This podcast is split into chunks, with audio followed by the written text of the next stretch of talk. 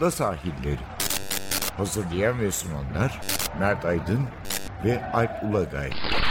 Londra'dan Dünya Spor Gündemi.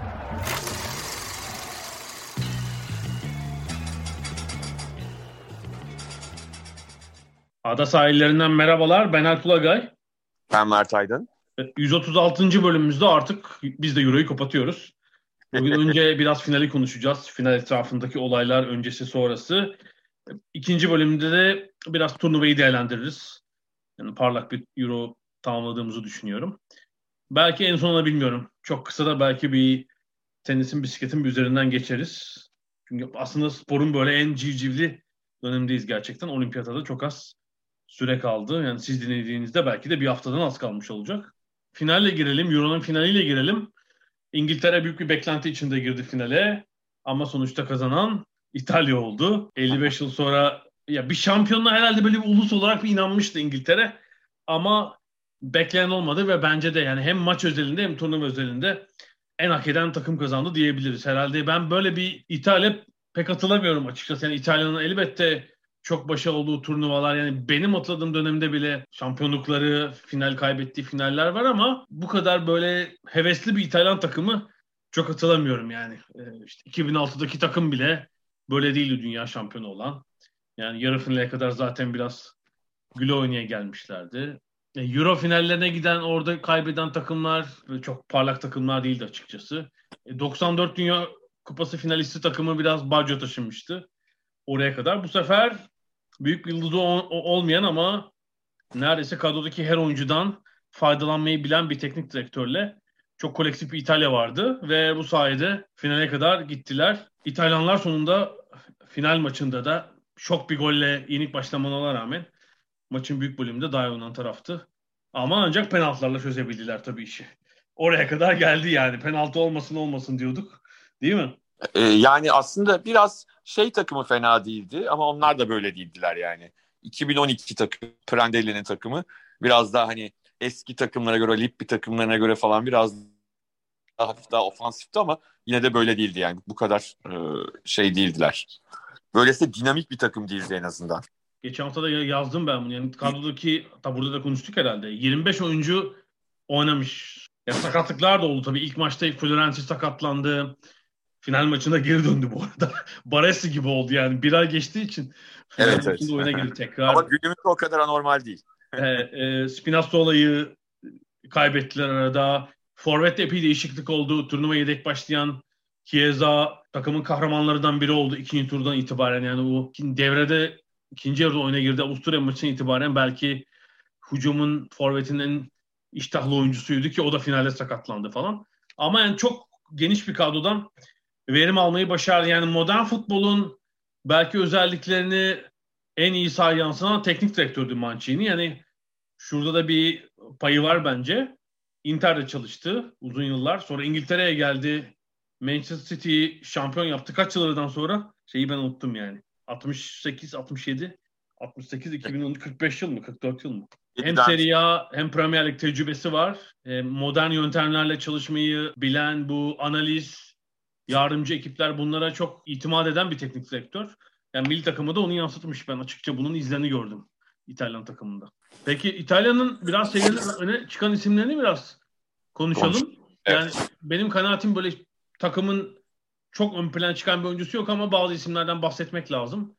Don Donnarumma zaten bir kaleci için hala çok genç bir yaşta ama turnuvanın sonunda da iki kez penaltılara gitti. Yarı final ve final maçı. Orada önemli bir rol üstlendi ve başarılı isimlerinden biriydi elbette takımın. Çok daha da iyi olacaktır. Herhalde bir aksilik olmazsa bir 10 yıl İtalyan kalesi ona emanet diye düşünüyorum ama bunun Aa, dışında benim... E, özür dilerim. Zoft'la Buffon'un kaç yaşına kadar oynadığını düşünürsek 10 yıl demeyelim de 20 yıl diyelim. İşte arada belki birisi çıkar falan diye ben bir pay bıraktım orada.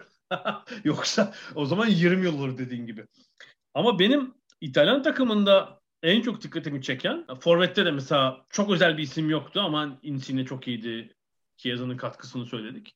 Ee, orta sahada kullandıkları üçlü yani turnuvaya Jorginho, Locatelli ve e, Barella ile başladılar. Sonra Locatelli'nin yerini kademeli olarak Verratti aldı ve orada doğru karar vermiş Mancini. Yani maç eksiğini atlattıkça üzerinden Verratti çok iyi performans verdi. Yani orta üçlünün oyunun iki yönüne de verdiği inanılmaz katkı İtalya için belirleyici oldu yani ve İspanya maçı dışında yarı final maçı dışında herhalde hep oyunda da üstün olan takımdı ya ne dersin? Yüzde yüz. Ya önce şunu söyleyeyim ben hani Donnarumma'nın çok iyi bir kaleci, çok da iyi kurtarışlar yaptı ama hani, turnuvanın en iyi oyuncusu seçilmesini pek mantıklı bulmadım. Onu söyleyeyim yani. Bana o göre penaltılarla değil. olunca ben iki, iki penaltı evet, serisi olunca oldu. biraz yani. Biraz şey gibi, kimseyi bulamadık seni yaptık gibi oldu yani. yani bir kere şu var hani sakatlanmamış olsa bence Spinazzola hak edecekti. Yani hani net olarak son e, iki maçta oynayamadı. E, doğal olarak o biraz geride kaldı ama hani son maçın e, adamı seçilen hani Bonucci bile bence Donnarumma'nın önünde denilebilir yani turnuvanın oyuncusu olma yolunda. İki penaltı kurtardı falan derken çok öne çıkan başka bir oyuncu bulamayınca bir bireysel yıldız ona vermek zorunda kaldılar ama benim de kafamda bir soru işareti oldu gerçekten. Yani Jorginho olabilirdi. Dediğim gibi Bonucci olabilirdi. Ee, belki hani finalde gol atabilmiş olsa Chiesa da bence adaylardan biri olabilirdi. Yani Chiesa ee, ve Verratti'nin aleyhine olan şu oldu. Grup maçlarında onlar pek yani işte yedek sonradan giren oyuncular işte Verratti yoktu zaten falan. O biraz onların aleyhine oldu ama hani ikinci turnutan itibaren ikisi bence oranı koymuştu. Biraz kolaya kaçtılar hani. Hadi Donnarumma'ya verdik gitti oldu biraz yani. yani Donnarumma'nın kalitesini ve turnuvada yaptıklarını küçümsemek için söylemiyorum. Alakası yok ama hani turnuvanın yıldızı bence hani Donnarumma değil. Yani bu turnuva konuşulduğunda vay be Donnarumma turnuvayı İtalya'ya kazandırdı ya da Donnarumma turnuvaya damgasını vurdu. Çok diyemiyorum açıkçası. Hani diyeceksin ki başkasını koysalar diyebilecek miydin? e, yani bilmiyorum ama sonuçta bana şey geldi. Biraz bütün bunlar Spinazzola'nın sakatlanmasıyla ilgili. Yani bence e, finale kadar oynayıp e, kazansaydı takım bence Spinazzola en azından sakatlanana kadar turnuvanın en değerli oyuncusuydu bence. Şöyle oldu. Final maçını izlerken Amerika'da bir çok eski arkadaşım var. Çok iyi arkadaşımdır. Uzun yıllar ABD'de, Kaliforniya'da yaşıyor. Yani çok futbola özel meraklı bir kişi de değil ama final maçını oradan izlemiş işte. LeBron James. Eski arkadaşım. Liseden falan. Hani diğer şeyler tuttu. Futbolla çok ilgili değildir ama izler falan. Ya Liverpool'un hissedarı ya. Benden evet. daha fazla işin içinde. ee, neyse işte uzun yıllardır Kaliforniya'da yaşıyor. İşte finali izlemiş. Diğer 9,5 milyon Amerikalı gibi herhalde ESPN'den. Şey dedi ya kaleye ne kadar az şut çekiliyor. Niye şut çekilmiyor kaleye dedi. Yani ben dedim ki yani takımlar o kadar blok oynuyorlar ki artık. Hani öyle müsait şut pozisyonu cezanın içinden bulamadığın gibi hani böyle bir yer çiz. Böyle hani 25 metreden falan da kimse pek kolay vurdurmuyor yani açıkçası öyle boş şut falan eğer kontratak değilse bulamazsın. Herkes dedim çok blok oynuyor yani. Oyuncuların kötü olmasından kaynaklanmıyor. Fazlasıyla bir takım oyunu var. Doğru gerçekten eskisi öyle boşta ona buluyor mu kimse?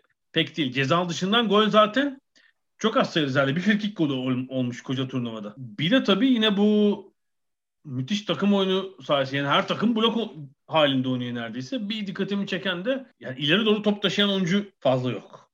Yani forvetler öyle orta sahalardan da yani hep tabii pasla takımlar ilerlemeye çalışıyorlar. Orada herhalde şeyi hani Sterling mesela bunun ter, yani çok fazla Tabii. top taşıyan adam olarak Sterling'i gördük. Oynadığında bazen Saka. Tabii en ee, fazla zaten başarılı evet. çalım atan oyuncu turnuvada Sterling. Evet. Yani çok başarılı çalım sayısı çok yüksek değil ama herhalde 20'nin biraz üzeri olması lazım. Bir de mesela bence ilk 11 oyuncusu olduktan sonra Chiesa böyle bir farkı yarattı. Evet. Yani yedek hamle oyuncusu gibiydi. Yani final maçında da mesela sakatlanana kadar evet. bayağı orada İngilizler Sakatlığının pozisyonu da hatırlarsın zaten. Dört kişinin arasına evet. falan girdi orada. Ortalığı karıştırdı. Ee, en çok e, yani şutla sonuçlanan en çok top taşıma yapan oyuncuymuş ileriye doğru. Evet zaten e, şimdi maçın başında İngilizler golü attıktan sonra bir süre İtalya bir bocaladı. Oyun sistemini oturtma konusunda sıkıntı yaşadı.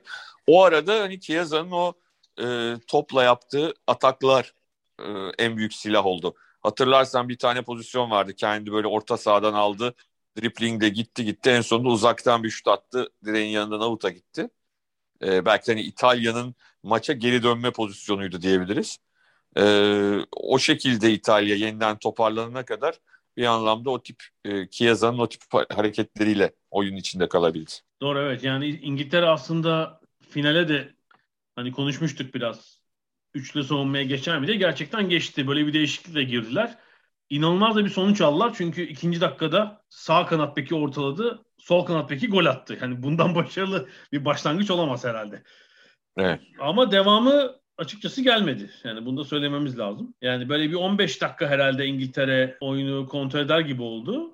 Devamını göremedik. Yani bir herhalde skorda önde olmanın verdiği bir biraz çekimserlik. İkincisi de bence İngiltere'nin işte takıldığı yer. Yani orta alanı Rice Phillips ikilisine bıraktılar. İki oyuncunun da genel olarak iyi bir turnuvayı girdi bıraktığını söylemek lazım ama bunlar tabii savunma özellikleri daha ağır basan iki oyuncu. Yani orta sahada böyle topu yönlendirecek, bir pas ağı kuracak oyuncusu yok İngiltere'nin. Yani Mount belki o görev ama o da çok özelliğini gösteremedi. Yani İtalyan orta sahası tabii oyuna hakim oldu. Geriden gelmenin de verdiği gol atmak zorunda olmanın getirdiği bir e, şey de oldu. Oyunu rakip yarı alana yıkma hamlesi de oldu tabii. E, ama İngiltere o ortalığın üstünlüğünü kuramadı. Bir tek işte belki bu yüzden zaten turnuvanın başından beri Southgate hani biraz daha düşük tempo, kontrol. Hani gol yemeyelim. Yemeyelim bir tane atarız.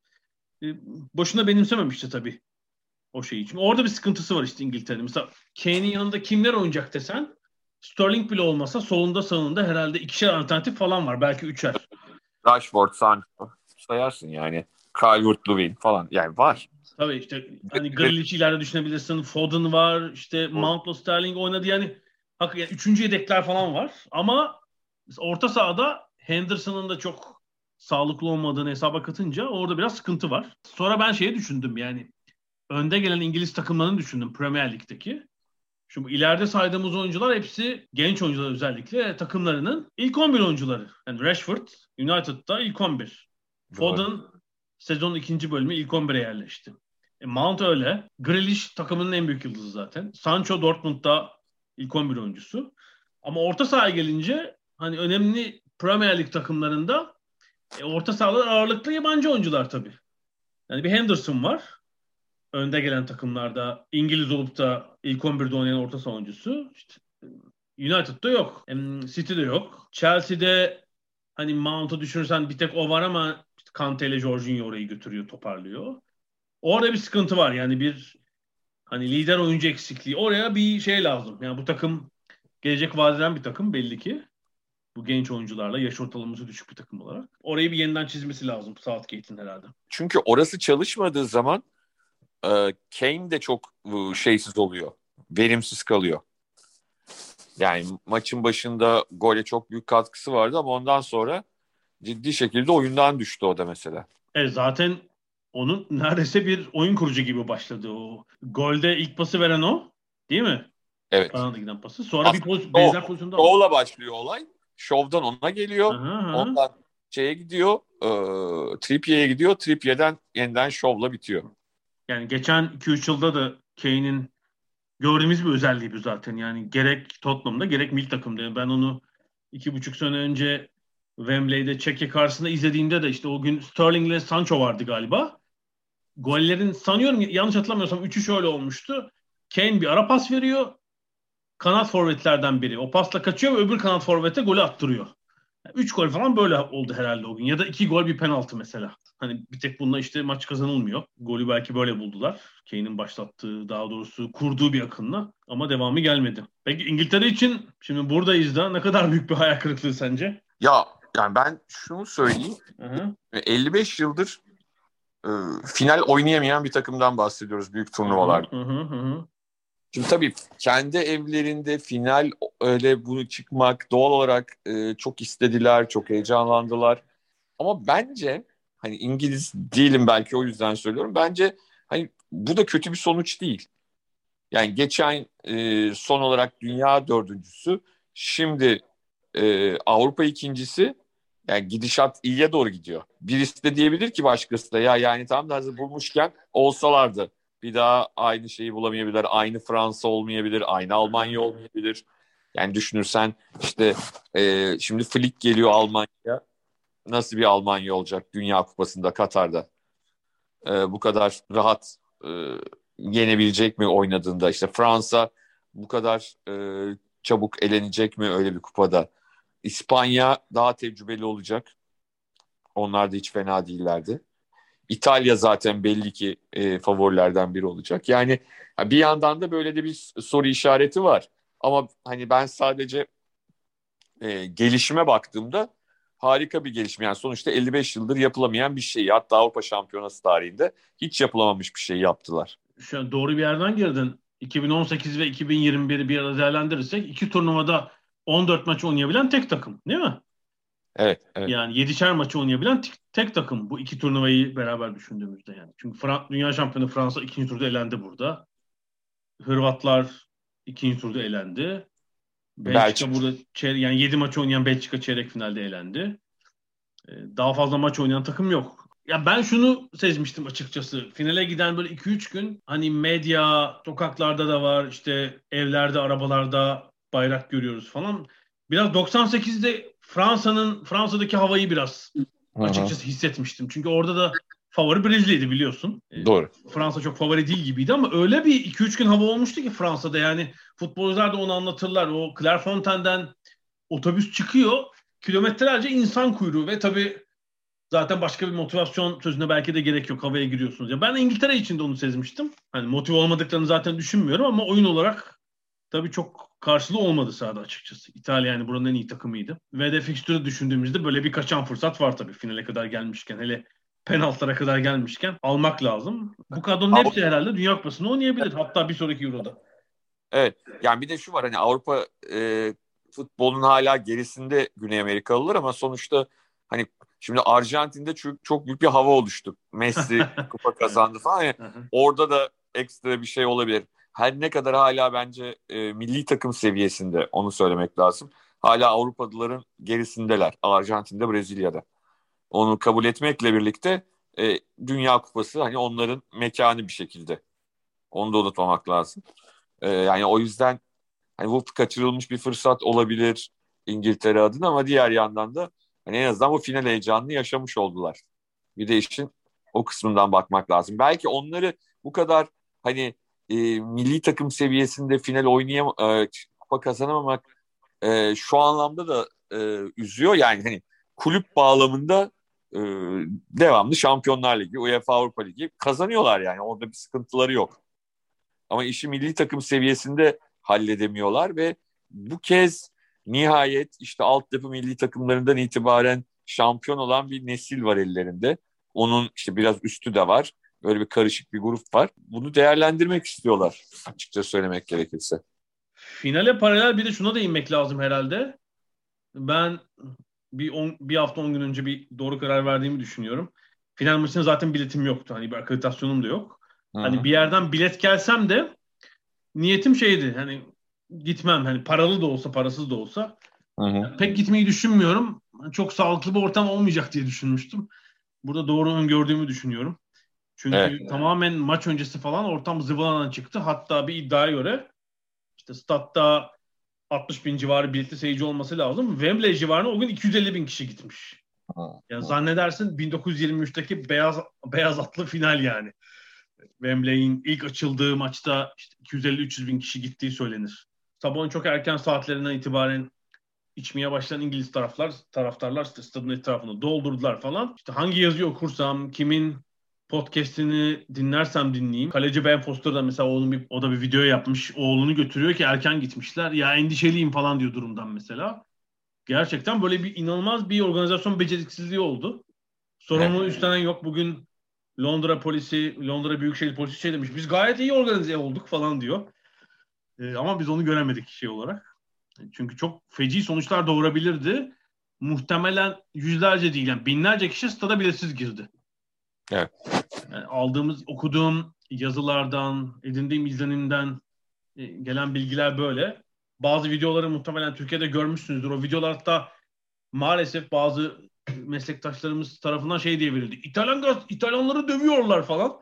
Değil orada stada kapıdan izinsiz girmeye çalışan taraftarlara içeridekiler yanıt vermeye çalışıyor. Yani İngilizler İngilizlerle aslında tekmeleşiyor, yumruklaşıyor. Genelde tablo böyle ve garip bir güvenlik eksikliği vardı. Yani hem bariyerli dış kordonlarda hem stat kapılarında feci bir durum ortaya çıkabilirdi açıkçası. Yani bir sürü biletli seyirci mesela yerine oturamamış. Çünkü gidiyor birisi var biletsiz. Evet. Oturabilir miyim diyor küfredip gönderiyor. Mancini'nin oğlunun falan başına gelmiş. Evet evet o tabii bir davetiyesi de bileti var. Gitmiş ilk yarı kovmuşlar. Merdivene oturmuş. Ki biliyorsun bu merdiven boşlukları konusunda Premier Lig'de falan çok hassastır stat güvenliği. Yani orada hemen ya yerine otur ya da alıverirler sizi dışarı. Burada tabii yer bulamayan yani yere yerine oturamayan seyirciler merdiven boşluklarını doldurmuşlar falan. İkinci yarı boş bir koltuk bulmuş mesela. Başka bir koltuğa oturmuş. Mancini'nin oğlu Andrea Mancini. Ama uğurlu geldi diyor. bir dahaki maçlarda böyle yapar herhalde. Ya açıkçası bir de sahaya biliyorsun maç sırasında bir arkadaş atladı. Depara. Ya bir tek o olsa tamam razıyız da. Tabii tabii. Ya Hı. orada tabii e, şöyle bir şey de var çok net. E, kulakları için nasıl sevgili Tuncay Yavuz Twitter'da yazmış. Şimdi bu İngilizlerin değişik bir tarzı var. Yani holiganlarının. Maç öncesi deli gibi içiyorlar.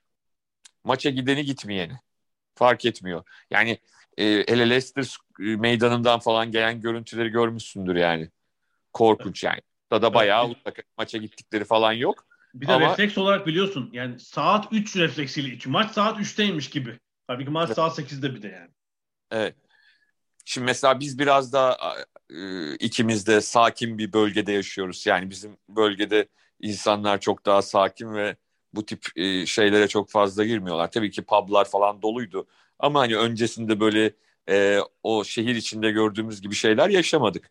Ama İngilizlerin böyle bir acayip noktası var. Hatta kulakları çınlasın sevgili e, İlker Uğur UEFA'da görevli. Maçtan finalden bir gün önce buluştuk.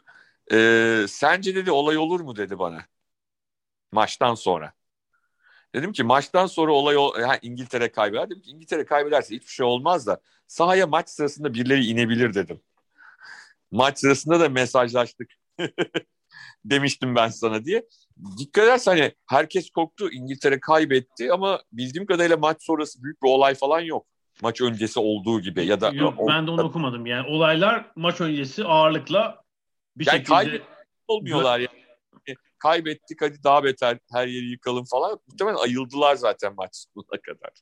Ya da hiç halleri kalmadı. Şimdi bir iki podcast da dinledim. Herhalde The Times'ın podcast'ında var.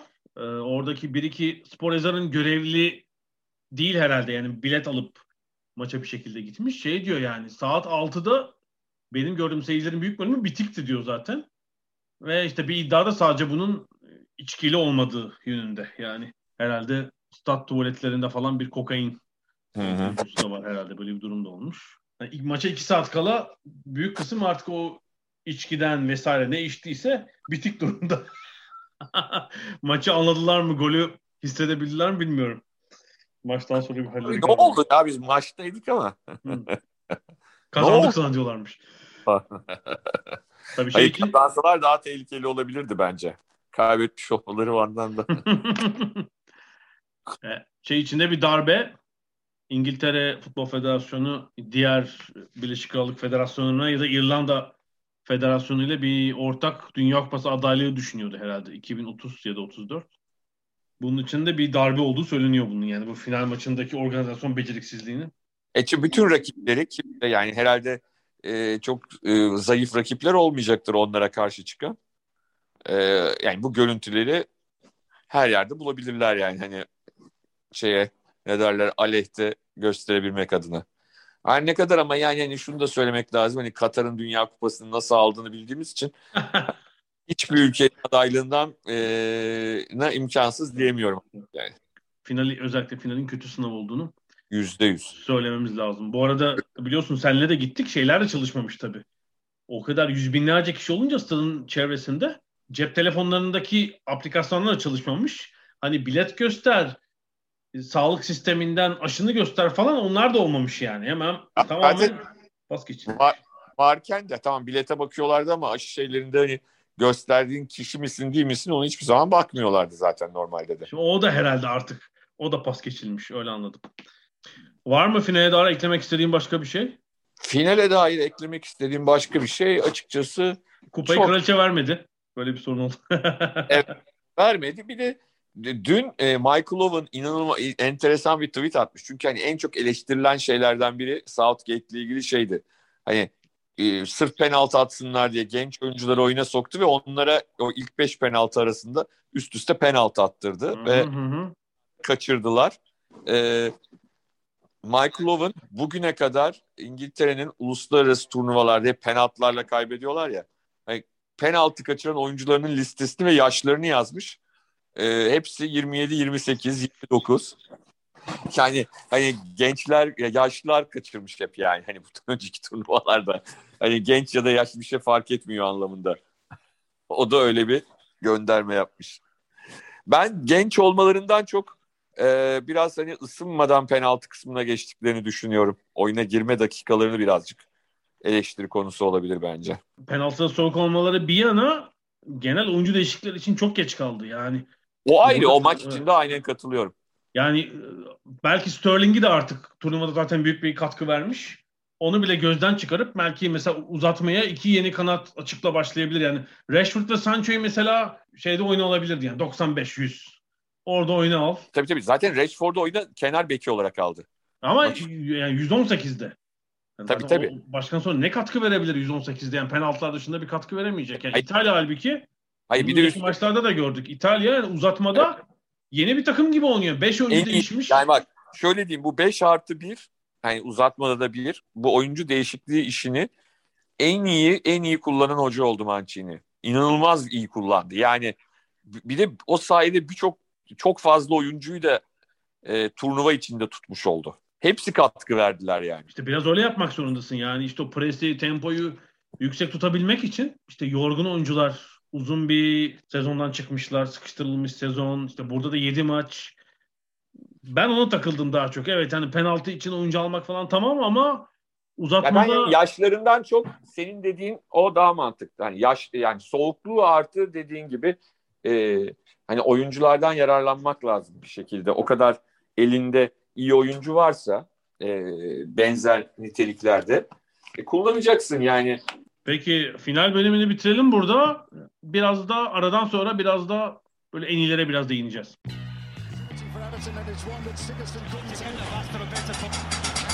Ada sahilleri. Londra'dan Dünya Spor Gündemi.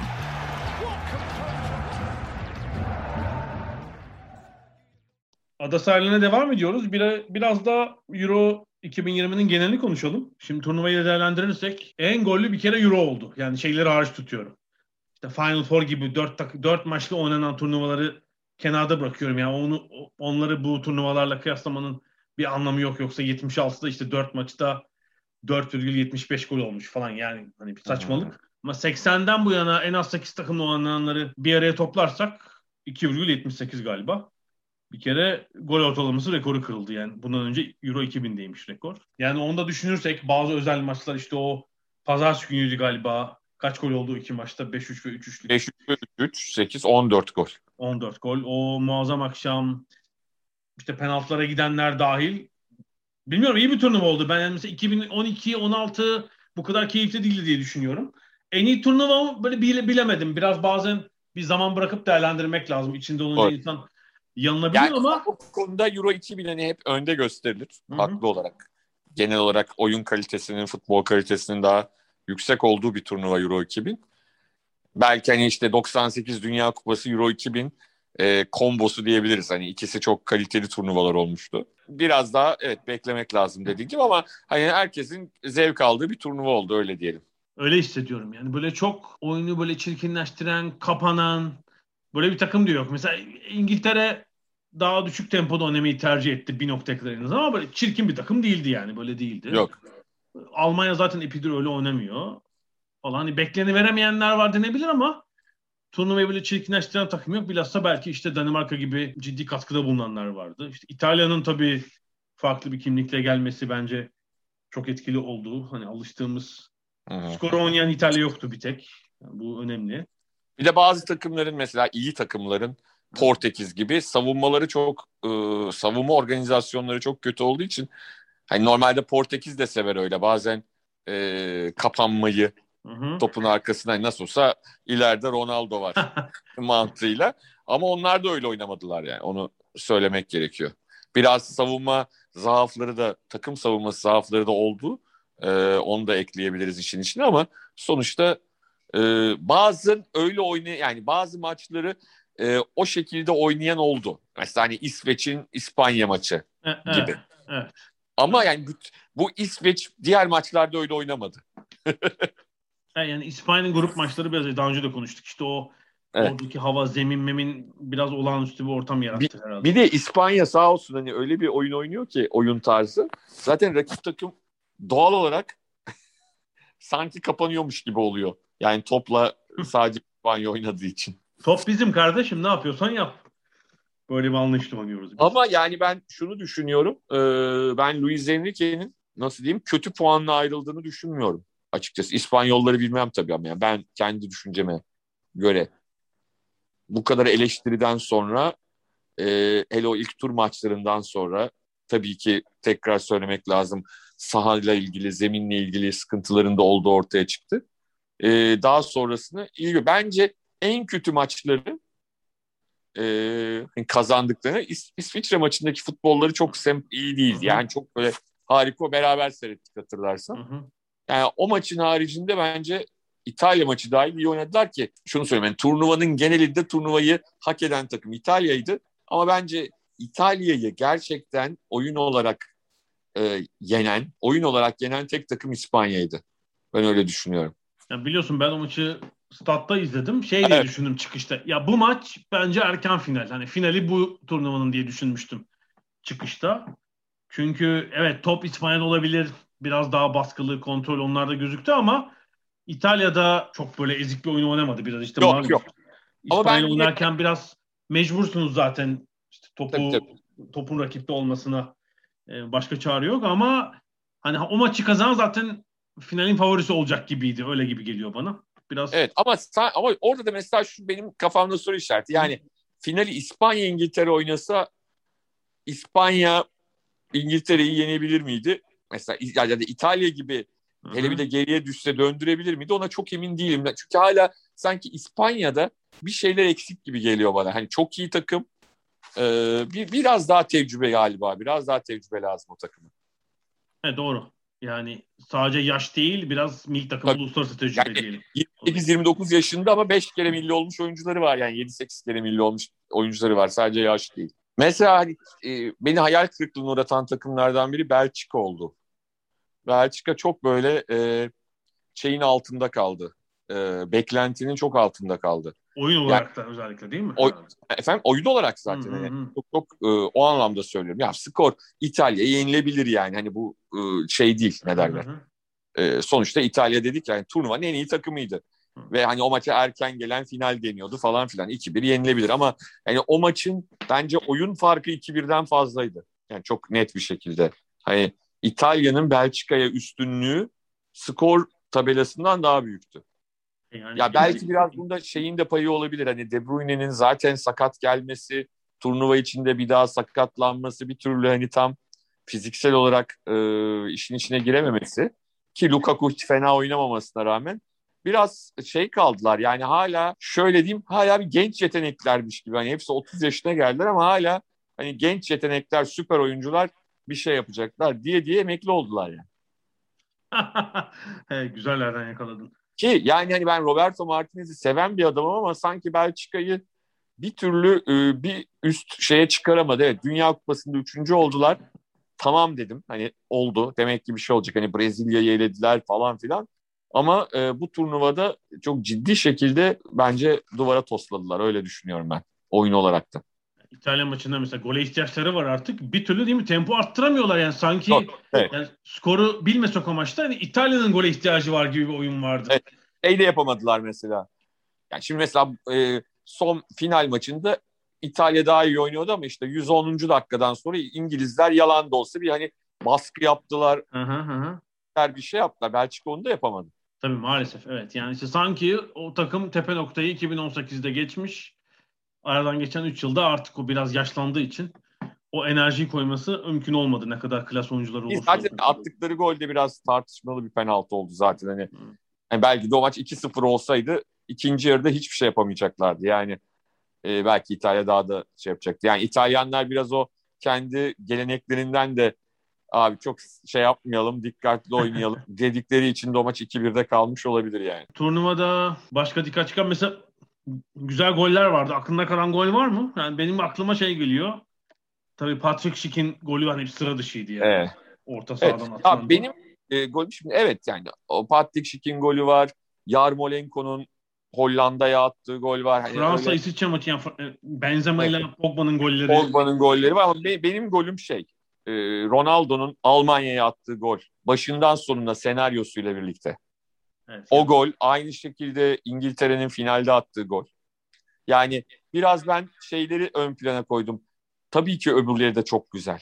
Hani Pogba'nın golü, Yarmolenko'nun, Şik'in eyvallah ama hani sanki ben bazen hani o, o tip e, şeyleri çok seviyorum. Hani başından itibaren bir oyuncuyla başlayıp aynı oyuncuyla 80 metre sonra biten golleri falan. O anlamda e, Ronaldo'nun golüyle şeyin golü ne derler e, Luke Shaw'un gollerini biraz daha o anlamda öne öne koyuyorum. Evet, şuradan da önemli. İki, biri zaten Portekiz korner karşılarken Ronaldo çıkardı öyle geldi. 90 metre yapardı. Öbürü de işte maçın başı İtalya pres yapmaya çalışıyor falan.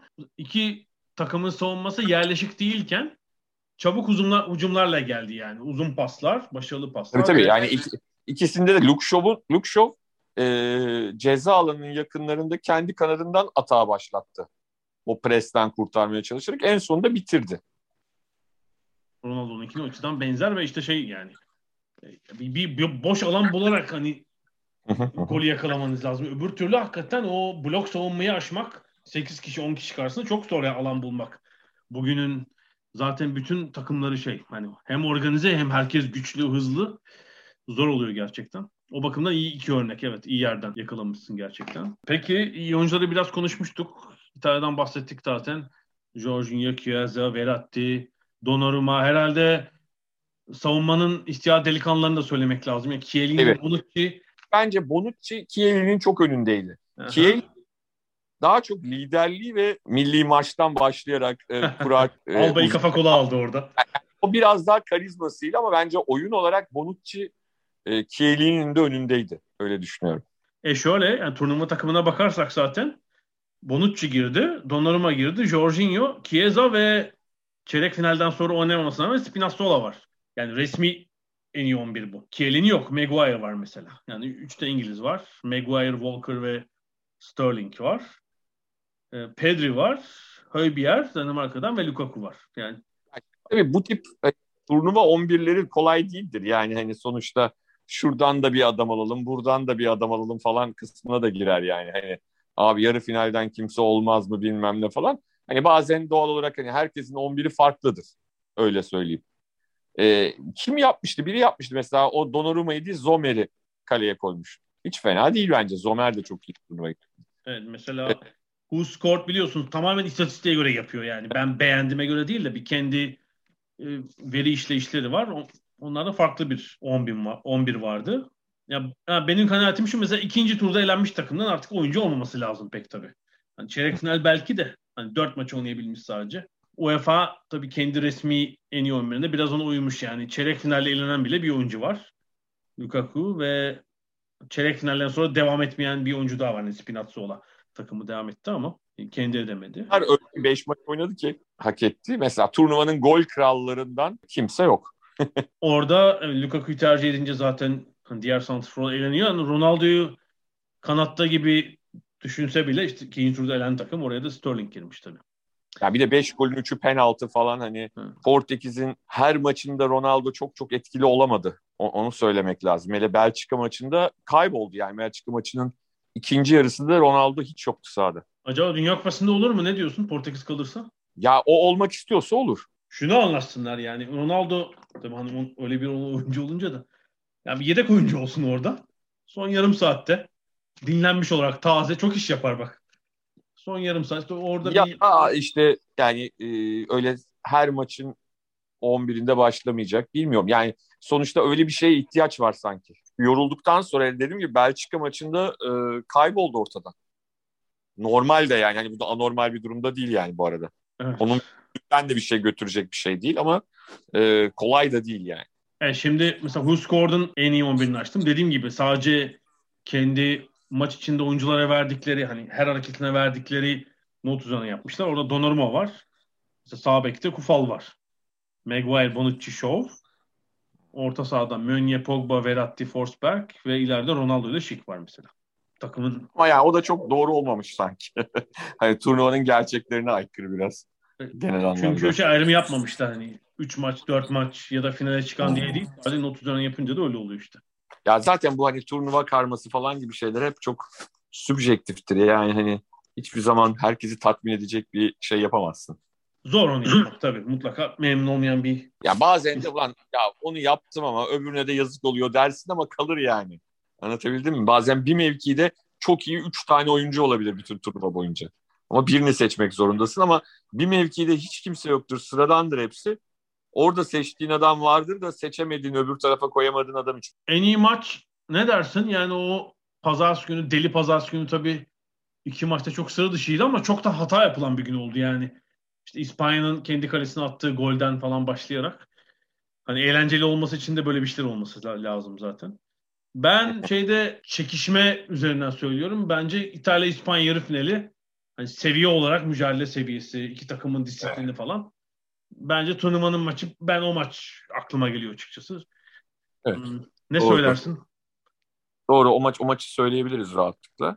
Ama hani dramasıyla birlikte Fransa İsviçre maçını da söylemek lazım herhalde.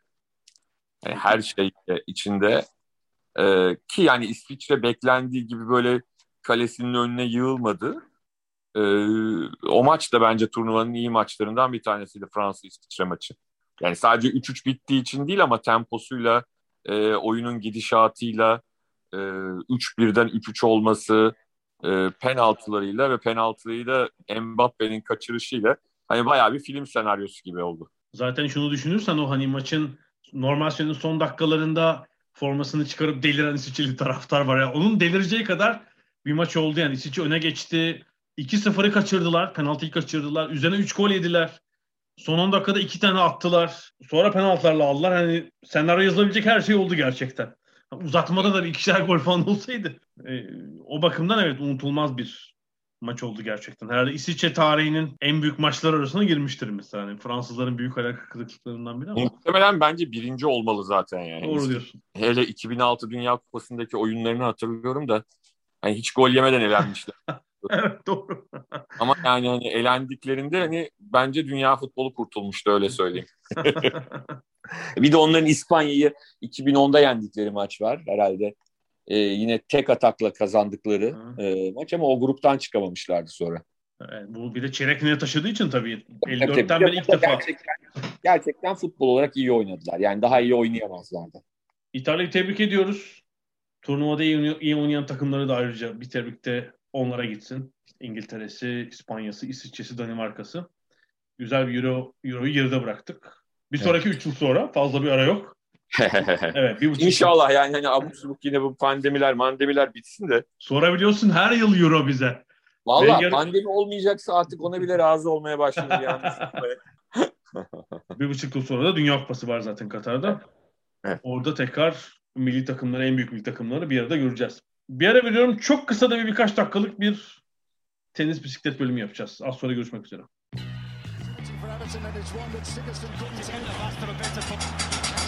Ada sahilleri. Londra'dan Dünya Spor Gündemi.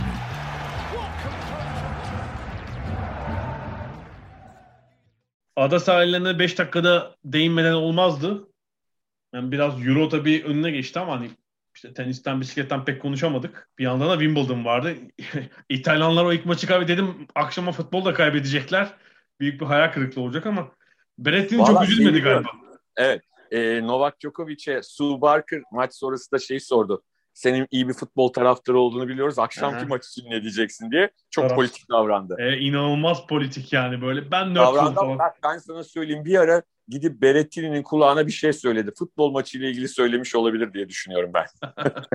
Söylediği şeyler sizi tutacağım demiş olabilir. Ya bunlar bu önde gelen işte o Nadal biraz daha az ama Federer, Djokovic büyük politikacılar yani gerçekten. Abi Federer İsviçreli zaten. Yani onun çok normal yani. Hani ad, Suyunda var. DNA'sı öyle yani yapacak bir şey yok onun. Suyunda var. Ulus olarak Tabii, evet. tabii. Yani o kendi maçında bile tarafsız yorum yapabilir yani. Maç öncesi vallahi kendimi tutup tutmamakta kararsızım falan. İyi oynayan kazansın falan. İki şey bir Djokovic yani çok çok zorlanmadan ya- yarı final finalde aslında böyle Atako'nun onu biraz hırpalamaya çalışan iki oyuncuyla oynadı yani Shapovalov ve Berrettini ile ama üstün tabii bu oyuncular hala yani 34 yaşına gelmesine karşın o 8-10 yaş genç oyunculardan birçok açıdan üstün. Yani hem oyun becerisi hem taktik hem inanılmaz bir ya onlar da zaten hep üstün kalacak ama hani fiziksel olarak düşmesini beklersin daha çok. Hani çünkü oyun bilgisi ve taktik o, konusunda ben o, onlardan 100 yaşındayken de daha e, altta kalacağını düşünmüyorum açıkçası. Aynı şey Federer ve Nadal için de geçerli. Yani e, bence Federer fiziksel olarak iyi olsa şu anda finali Djokovic'le yani daha doğrusu en, erken, en erken nerede karşılaşacaklarsa en son orada karşılaşırlardı. Ama e, Federer artık fiziksel olarak e, o gençlerle mücadele edecek çapta değil. Ama Djokovic hala e, o anlamda da üstün. O bence önemli. Yani sanki şu aşama oldu gibi bu kadın ve erkek tenisinde tam böyle 1980 böyle dö- şey gibi bir dönemeç gibi. Erkeklerde Lendl hatırlarsın. Kadınlarda Navratilova böyle büyük bir fitness sıçraması yaptırmışlardı. Hı hı. Çünkü evet tabii o zamanın da en iyi tenis stilleri var işte Borki, McEnroe ama o ikisi böyle full profesyonel işte fitness koçu, e, işte masör vesaire bunların desteğini alıp ve inanılmaz çalışıp Lendl için söylenir zaten işte hani zevk Hmm. almak için tenis oynamıyor yani böyle hep oynarken de öyleydi yani acı çekiyormuş gibi. Evet evet.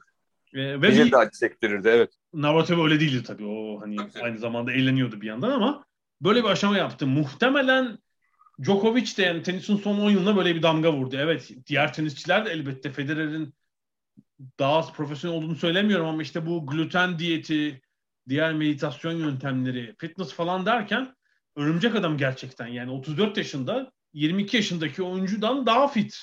Abi 22'nin daha şey olması lazım değil mi? Daha atletik, Tabii, tabii, tabii. daha hoplayan, zıplayan o, bir üstünlük sağlayamıyordu yani. Bu çok acayip getirdi. Bilmiyorum daha kaç yıl sürdürür ama hani şu andaki görünüm mesela Doğru, ABD açık doğru. zaten büyük bir sınav olacak yani. Grand Slam Yani bence e, Novak Djokovic hasta değilse, depresyonda değilse, bir sıkıntısı yoksa bence ye- kaybetme ihtimali yok. Sadece kendisi sakat olabilir, yarısında çekilir. Psikolojik olarak bir sorunu vardır. Kız arkadaşıyla kavga eder, annesine kızar, babasına kızar. falan. Onları bilemiyorum. Ama normal şartlarda oynanırsa mümkün değil yani başka birinin kazanması o turnuvayı. Hani büyük konuşuyorum rahatlıkla. Çünkü hani tabii ki kaybedebilir ama kaybetme nedeni sportif olmaz yani onu söylüyorum. e, öyle gözüküyor. Hatta hani şu andaki seviyesiyle sanki 3 yıl uzak bir zaman. Hani bir iki sezon daha her her turnuvayı kazanır. 4 Grand Slam'i kazanmak aynı yıl zaten çok mümkün olan bir şey değil ama muhtemelen işte bir numarada kalacak. Oradan onu kolay kolay indireyim. Böyle bir hava sezinliyorum. Yani bu e, genç grup özellikle artık 90'ların sonu 2000'lerin başında doğan grup böyle bir sıçrama yapmazsa sanki biz Novak'ı orada da göreceğiz yani bir süre daha. Öyle bir ihtimal var. Kesin kesin. kesin. Öyle bir ihtimal var. O Fransa turunda da sonra geliyoruz. Orada da bu sefer tersine mesela tecrübeli Britanyalılar un ufak oldular yani tamamen hiç. Evet. Sözleri geçmiyor. Tarmar oldu Ineos takımı falan. Tadej Pogacar e, 22 yaşında ikinci tur birincine gidiyor ve çok rahat Evet. yani. Yani şöyle de bir önemli bu çünkü geçen yıl hep şeyden yani pandemi sayesinde oldu. Hani yeterli derecede kimse konsantre değildi. e, Birçok sporcu gelmedi. Biraz e, onların hepsini taca çıkarıyor şu anda Pogacar bence. Tabii tabii bayağı yani daha kuvvetli takımlar var karşılarında ama yani muhtemelen ilk haftan Fransa turu bitmişti zaten genel klasman için. 5 dakika farkı yaptı birinci haftanın sonunda. Orada bitti. Sonra kalan iki haftada işte idare ediyor. Yani atak falan yaptı çarşamba günü ama çok yapması da şart değil. Etabı da kazandı. bayağı şovunu yapıyor yani. E, ama işte geçen yıllarda da gördük bazı genç isimler bir yıl tura ağırlık koyup sonra onu sürdüremediler. İlginç. Hep orada da aşağıdan daha genç birisi geliyor ki bisikletin olgunluk yaşı biraz hani 25'ten sonra hani hatta 28-30 e, hep bir genç jenerasyon oluyor. Yani bisiklete tenis yer değişmiş gibi bakımdan. İlginç. Pogacar'ı da herhalde bir pazara kadar mucize olmaz diye düşünüyorum.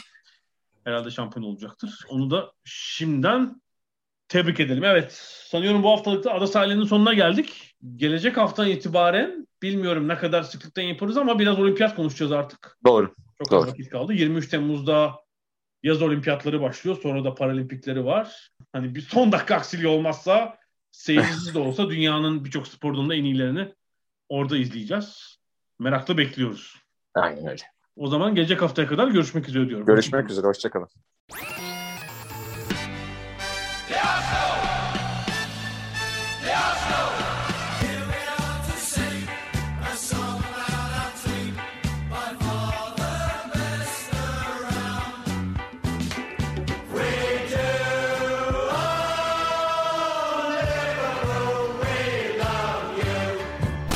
Ada sahilleri. Hazırlayan ve sunanlar Mert Aydın ve Alp Ulagay. Londra'dan Dünya Spor Gündemi.